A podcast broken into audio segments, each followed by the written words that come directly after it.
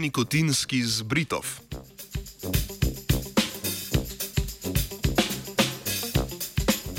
Kitajska raziskovalna skupina je v prebavilih nekaterih kadilk in kadilcev odkrila simbiotsko bakterijo, ki razgrajuje nikotin.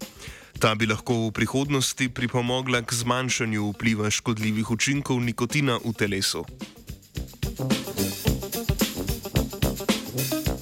Znano je, da ima kajenje tobaka slab vpliv na vsa človeška tkiva.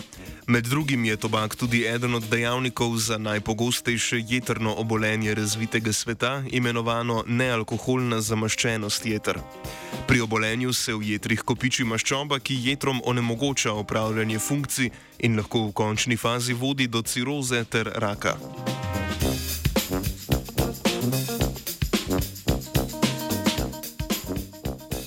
Raziskava je večinoma potekala na miših, ki so jim v vodo dodali nikotin. Raziskovalke in raziskovalci so v prvem delu raziskave primerjali kopičenje nikotina v telesu tako imenovanih sterilnih miši. To so miši brez lastnega mikrobioma, ki živijo v sterilnem okolju s, kontrolno skupino miši. Ugotovili so, da se v telesu sterilnih miši kopiči več nikotina, kar nakazuje, da pri razkrajanju nikotina vlogo igra tudi črevesni mikrobiom.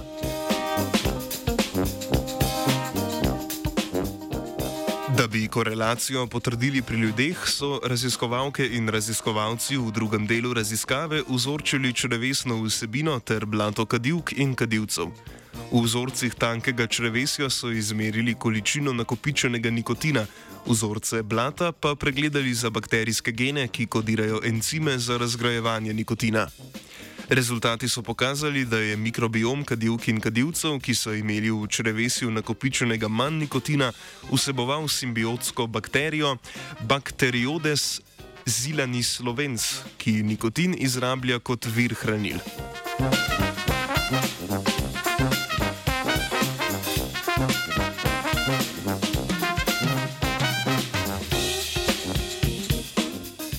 Da bi spremljali vpliv bakterije v telesu, so se raziskovalke in raziskovalci v zadnjem delu študije vrnili k mišjemu modelu. Specifično jih je zanimalo, ali razgrajevanje nikotina vpliva na napredovanje obolenja zamaščenosti jeter. V ta namen so miši podvrgli dieti z veliko sladkorja ter, ter holesterola, pri čemer so različnim skupinam dodali samo nikotin ali zgolj bakterijsko kulturo, bakteroides, ksileni slovens ali pa oba dodatka skupaj. Skupini, ki sta prejemali nikotin, sta imeli povišen nivo jetrnih encimov, sintezo kolagena in unetnih citokinov, kar je posledično vplivalo na pospešen razvoj zamaščenosti jeter. Vseeno pa je bil razvoj bolezni pri skupini, ki je poleg nikotina prejemala tudi bakterijsko kulturo, opazno upočasnjen.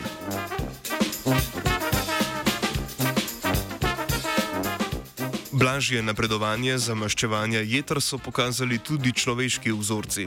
Pri kadilkah in kadilcih, katerih blato je zaradi bakterijske razgradnje vsebovalo več razpadlih produktov nikotina, začetek bolezni ni močno napredoval. Obratno pa so imeli osebki z večjo koncentracijo nikotina tudi povišene jetrne encime ter opazno napredovanje bolezni zamaščenosti jeter. Thank you. Nikotinizirajočih bakterij. Ne rabite ja.